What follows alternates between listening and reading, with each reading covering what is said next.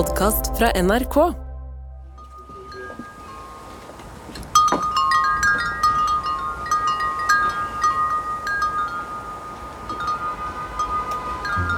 En dag for mange år siden gikk en babyelefant rundt på grensa til Myanmar. Kanskje hun spiste litt? Eller lekte med de andre elefantene? Jeg veit ikke. Jeg var ikke der. Men dessverre for babyelefanten var hun der. På grensa til Myanmar. Hun tråkka på ei landmine.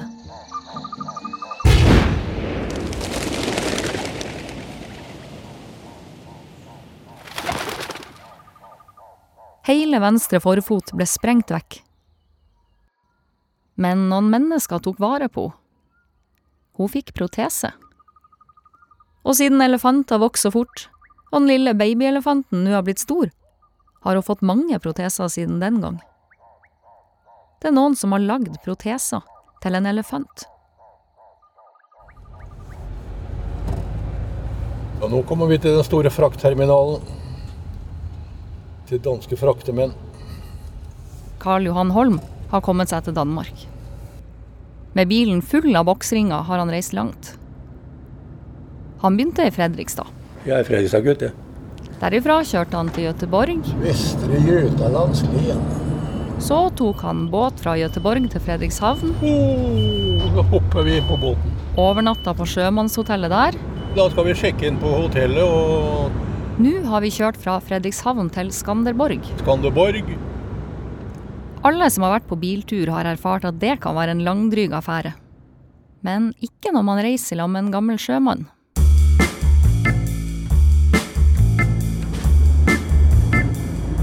Jeg kan fortelle deg om en veldig artig eh, historie om eh, en nordlending jeg salte sammen med i noen år. Han het Martin. Han var ungkar og spellemann. Veldig artig gutt.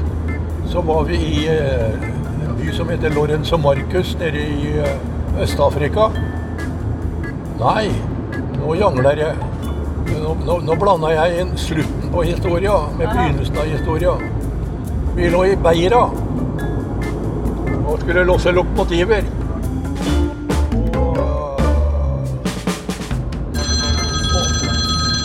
Unnskyld.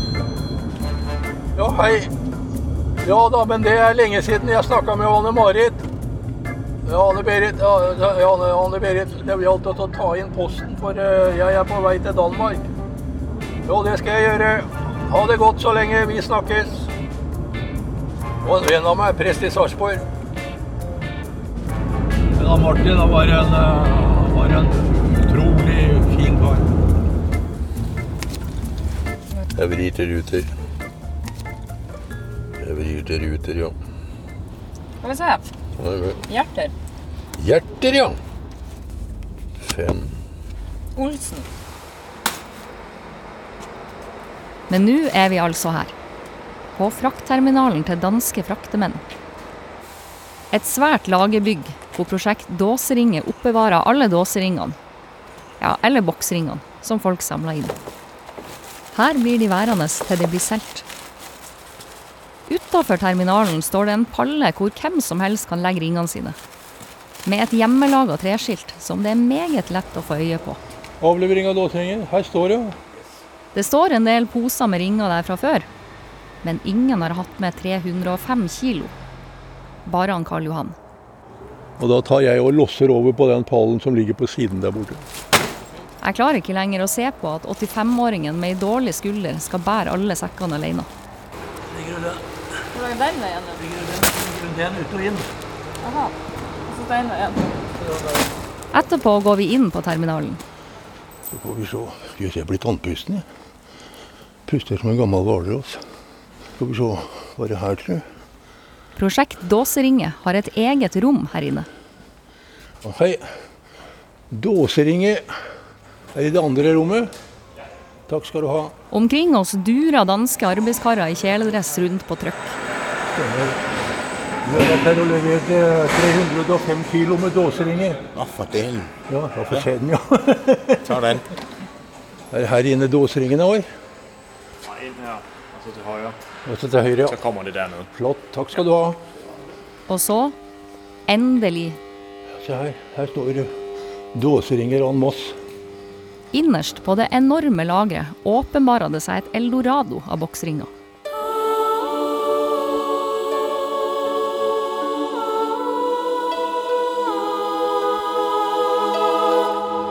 Se på det her. Her ligger de. Noen i brødposer, noen i bæreposer. Men det det er mest av, er digre sekker. Det må være så mange ringer oppi der at bare å forestille seg å telle dem, gjør at man blir helt matt. Jeg tenker på alle de som har sittet og revet av ringene på brusen de har drukket. Så mange ringer som ligger de utallige sekkene på det lageret her. Så mange ganger har noen revet av en boksring. Her har du ringer i alle sorter og utgaver. Noe er rensa, annet er ikke rensa. De renser altså ringer her òg. Men når han Karl Johan står hjemme i kjelleren og renser med sin lille håndholdte magnet, har danskene bygd en rensemaskin. Et hjemmelaga trestativ hvor de heller ringene opp i en beholder på toppen. Når de så glir ned i ei lita renne, må de gjennom en passasje av magneter som henger ned i hyssing. Ganske kraftige magneter som tar opp alt det magnetiske. Så går det ned i en samlekurv, og så går over i storsekker. Han Karl Johan forteller at flere ganger i uka kommer det en gjeng med damer fra Prosjekt Dåseringe hit. De står her og jobber ved rensemaskinen. Jeg ser dem for meg. De står her og sorterer ringer så hestehalene danser bak på ryggen.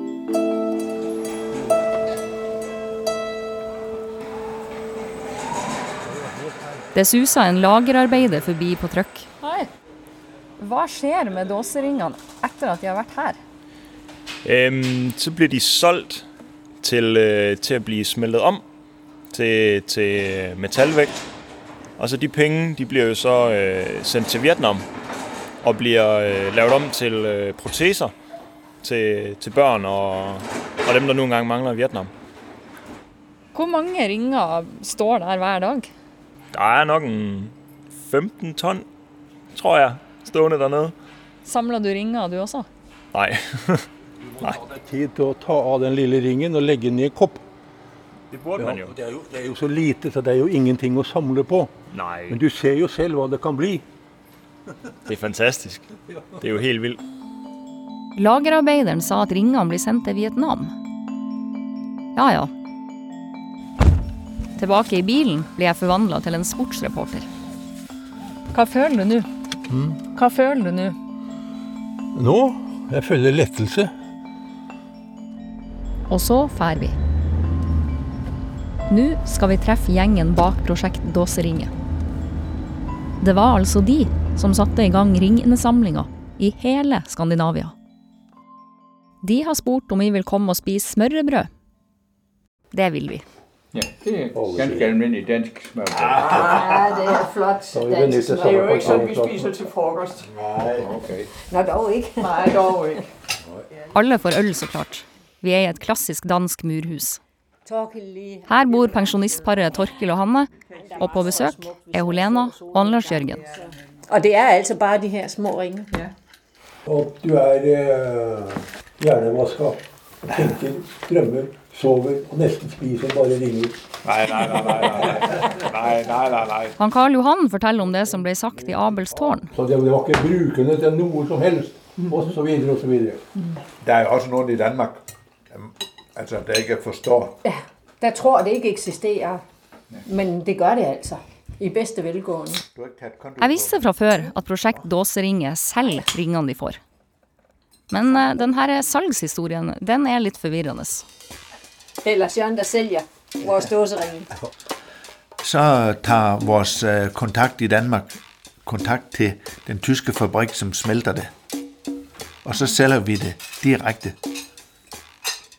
Ok, Så dere det i Tyskland? Nej, vi sælger det i Danmark. Ja. Når vi nu sælger den, ja. så er der jo nogle af dem, der går til flyproduktion Ja, ja. og, og til uh, rumforskning. Ja. ja. Romforskning. Men eh, hvem får I penger av? Det får vi av vår danske agent. Han køber den fysiske av oss. Prosjekt Dåseringe har altså en egen agent. Så han handler i hvert fall med skrap? Ja, ja. Så han heter nok bare Per Skrap. Per Skrap. Jeg har faktisk snakket med ham i dag. Ja, er han, er han på jobb på arbeidet nå? Jeg er bange for, han ikke er. Men er det noen andre der? Nej.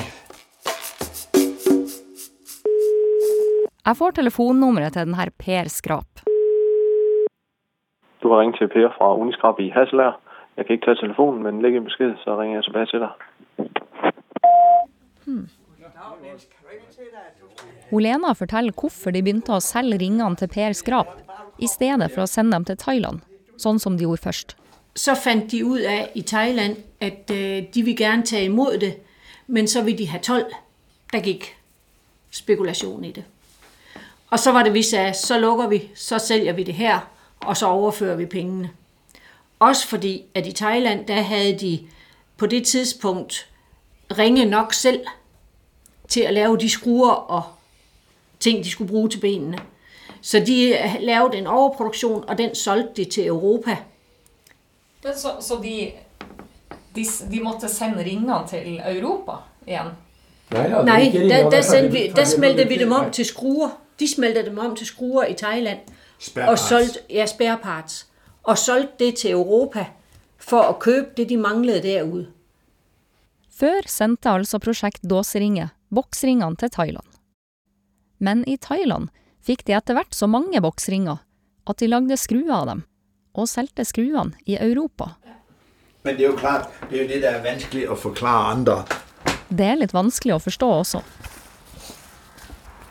Olena og jeg går ut en liten tur. Lena Pedersen heter hun forresten. Det er mannen hennes, han Lars Jørgen, som selger ringene til Per Skrap. Men det er hun Lena som står bak nettsida til Prosjekt Dåseringe. Hun Lena og han Lars Jørgen har vært på besøk på klinikken i Chiang Mai i Thailand flere ganger. Ja, altså det er et øh, stort hospital, hvor det er en stor øh, hal, hvor de har arbejdsborde, og, og hvor de laver de forskellige dele. Og øh, vi har oplevet nu flere gange, at øh, der kommer en flok ind, og, og de får så taget øh, mål af deres øh, øh, benstump. Hvorfor er det så mange som har mistet beinet i Thailand? Der er slangebid, og der er miner, specielt over mod Kambodja og Laos. Og så kommer sukkersygen ind nu. Sukkersyke? Di- diabetes. Riktig. Ja, så de får amputeret ben på grund af diabetes. I dag har vi levert ringer på et lager. Ja, Hva skjer med de ringene nå? der kommer der en flok kvinner, og så sorterer de dåseringer. Så er det noen der pakker ut av de små poser, og noen der tømmer opp i storsækkene. Og så skiftes vi til å stå ved maskinen. Det er fryktelig mye arbeid. Ja, men det er også sammenhold, og at man tar vare på hinanden. Altså, noen øh, mennesker møtes og laver patchwork, Noen øh, møtes og strikker, eller noen møtes og, og spiller krolf, eller sådan noget. Øh, vi er så en flok, der mødes og sorterer dåseringe, og får en hyggedag ut av det, får noe godt snakk. Men når det er sånn at man selger ringene eh, i Europa, og man har slutta å sende ringene til Thailand fordi de har nok ringer sjøl, Yeah. hvorfor kan man ikke bare gi er penger, da? Hvorfor skal vi gi ringer? De, de må også gerne gi oss penger. Vi, vi tar gerne imod penger. Men vi synes bare, at ideen i det er, at vi samler dåseringer og selger dem. Og alle penger går til hospitalet i Thailand. Mm. Og der er ikke nogen af os, der tjener på det. Vores øh, formål er at hjelpe andre. Men jeg syns det høres fint ut, det du sa med at det er samhold, og det er et fellesskap. Det er det også. Ja.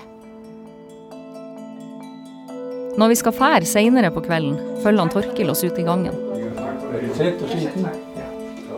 Han er gammel og syk. Han har ikke spist ordentlig på flere måneder. I neste uke skal han hjerteopereres for andre gang. Han klarer nesten ikke å gå. Men det er noe han gjerne vil si.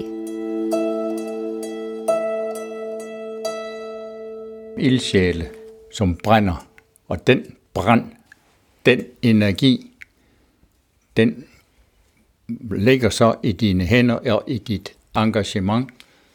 Og det gør, at du bliver ved, at du fortsætter, og at du næsten ikke er til at stanse. Du stopper ikke. Fordi du er en ildsjæl, så brænder du igennem. Det er lige præcis det, vi gør. Vi brænder igennem, selvom vi er 80 år.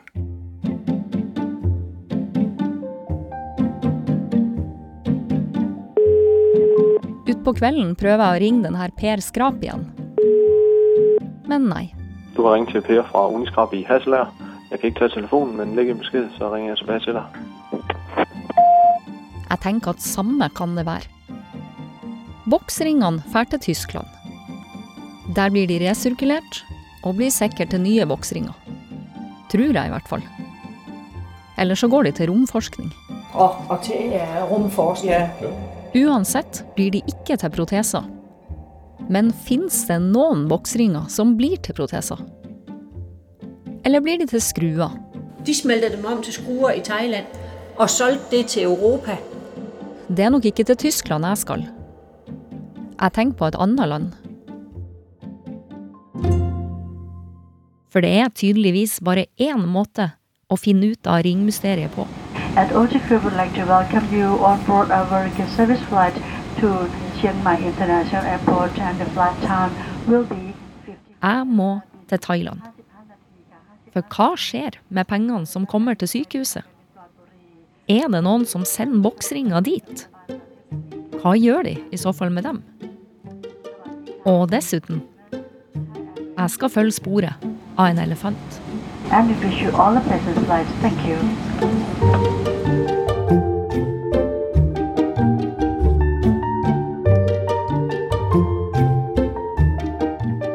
Du har hørt Bokseringenes herre, laga av Grete Strøm. Produsenter Line Alsaker og Kjetil Saugestad. Redaksjonssjefer Solveig Husøy og Ragna Nordenborg. En podkast fra NRK. Gangsterkongen Al Capone ble en av forbudstidens aller største superstjerner. Gjennom ulovlig spritsalg og hallikvirksomhet ble han Scarface, Chicagos mektigste mann. Men bak suksessen sto en hensynsløs drapsmann. Hør historiske kjendiser med meg, Alexandra Gjerpen.